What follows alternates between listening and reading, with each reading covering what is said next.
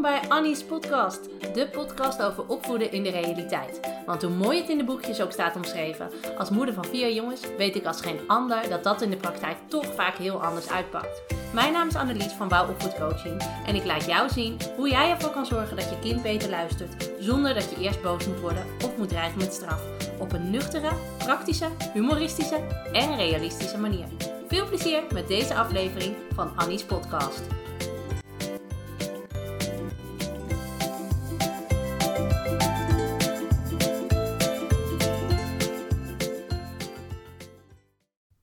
Welkom, tof dat je weer luistert naar een nieuwe aflevering van Annie's podcast. En voor ik ga beginnen wil ik toch even zeggen, we zijn inmiddels bij aflevering 24.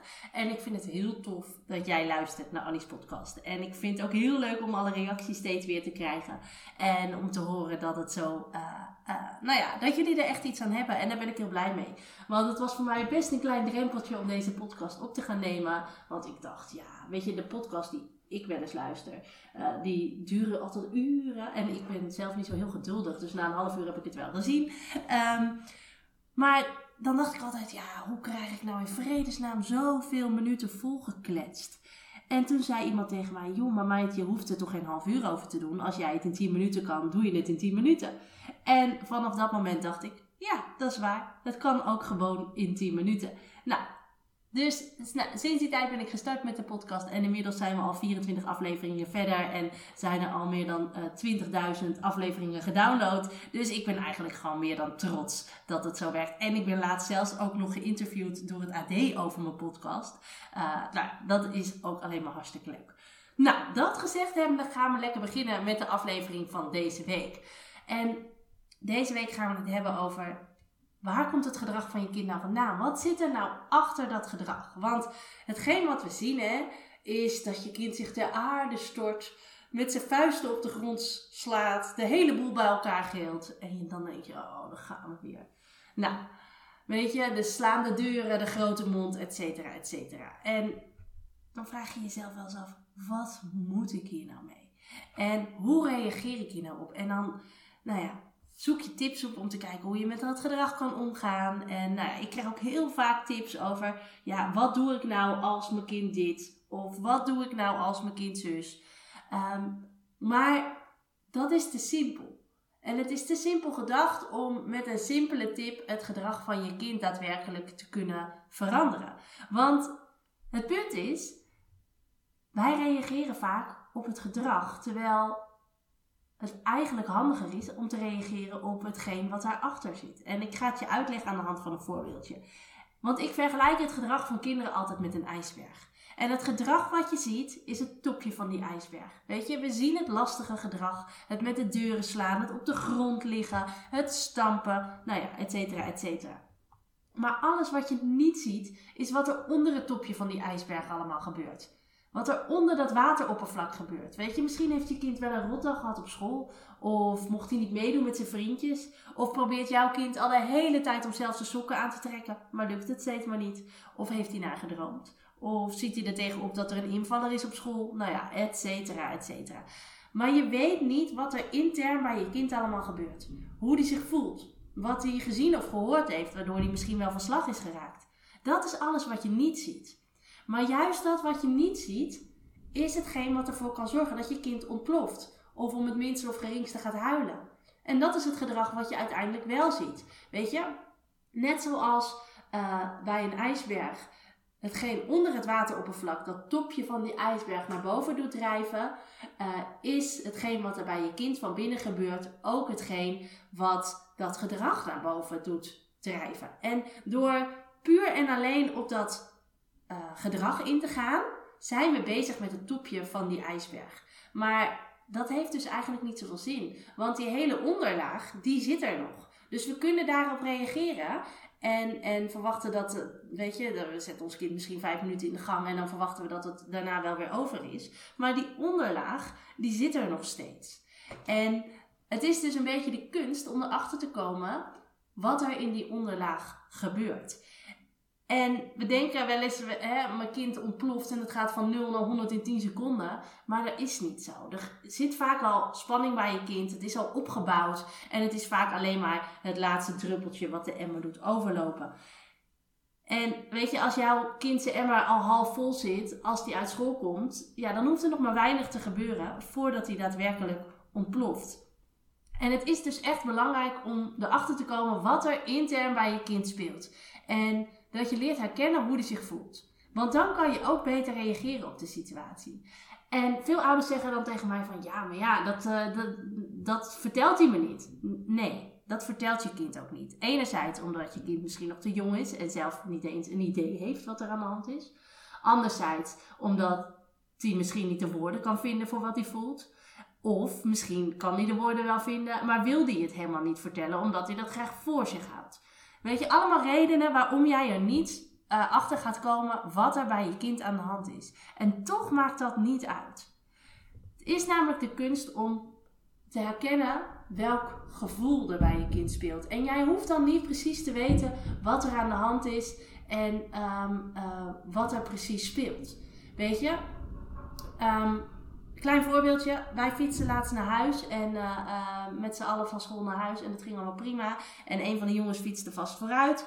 En uh, nou, helemaal vrolijk, helemaal leuk. En op een gegeven moment fiets ik hem voorbij. Staat hij heel nukkig op het fietspad, boos te zijn.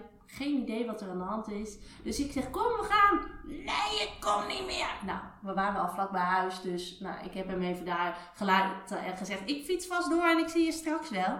Nou, en inderdaad, vijf minuten na mij kwam hij binnen. En hij ging aan tafel zitten, handen onder zijn uh, uh, kin. Weet je wel, ellebogen op tafel, je kent het wel. En vooral heel boos kijken. Dus ik vroeg, joh, wat is er aan de hand, uh, vriend? Niks. Oké.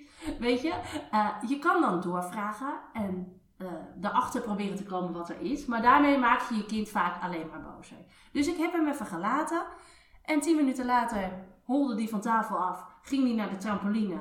En nou ja, was er niks meer aan de hand. Dus ik zeg tegen hem, uh, hij kwam weer naar binnen op een gegeven moment. Dus ik zeg, joh, uh, ben je weer vrolijk? Ja! Nou, en toen was het allemaal weer goed.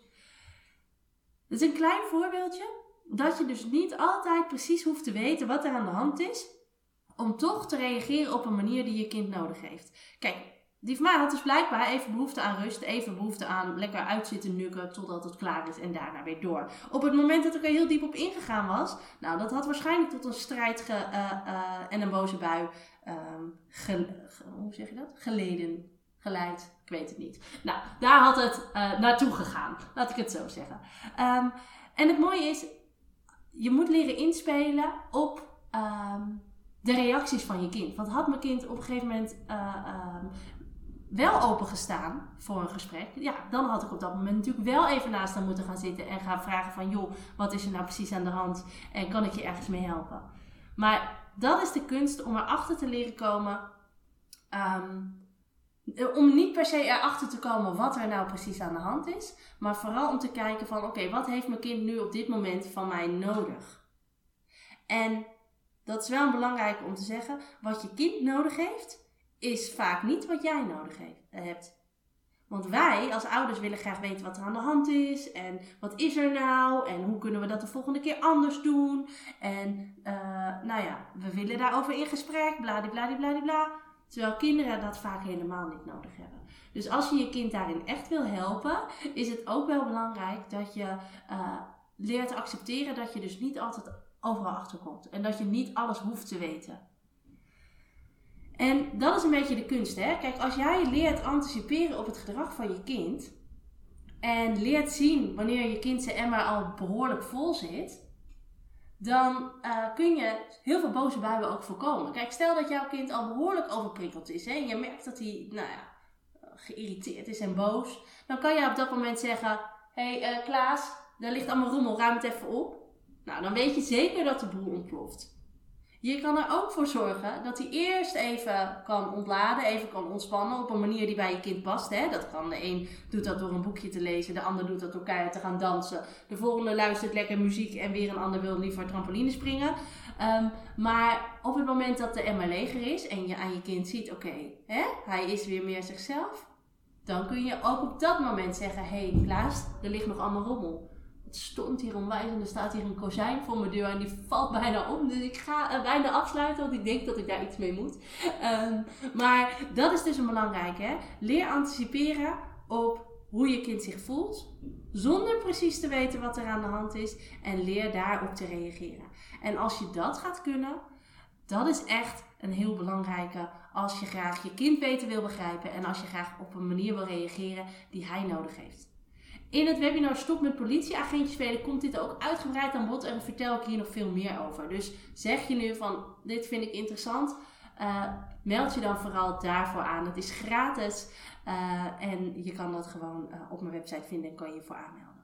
Voor nu ga ik afsluiten en ik ga gauw kijken naar dat kozijn voordat alles hier in duizend stukjes is gevallen. Ik wens je een hele mooie dag en ik zie je de volgende keer bij een nieuwe aflevering van Annie's podcast.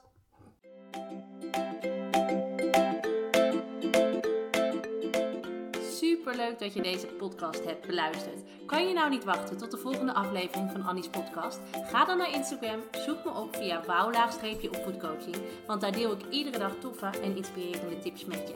Om er zo voor te zorgen dat het opvoeden van je kind leuker en makkelijker wordt. Wil je nou nog meer weten? Kijk dan ook even op www.wouwopvoedcoaching.nl slash gratis. Dan kun je je aanmelden voor mijn gratis e-book met 20 tips om ervoor te zorgen dat je kind beter gaat luisteren. Of je kunt je alvast aanmelden voor het webinar Stop met politieagentje spelen. Allebei gratis, dus je hebt eigenlijk geen enkele reden uh, om het niet te doen. Ik zie je volgende keer bij een nieuwe aflevering van Annie's podcast.